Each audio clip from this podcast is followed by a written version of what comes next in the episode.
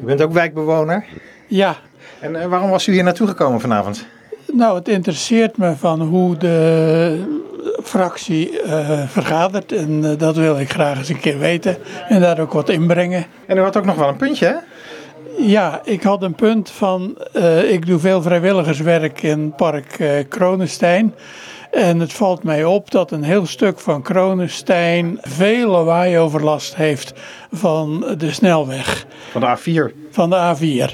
En eh, dat is jammer, want dat eh, heeft een enorme impact op de natuurbeleving van al die honderden mensen die daar wandelen elke dag.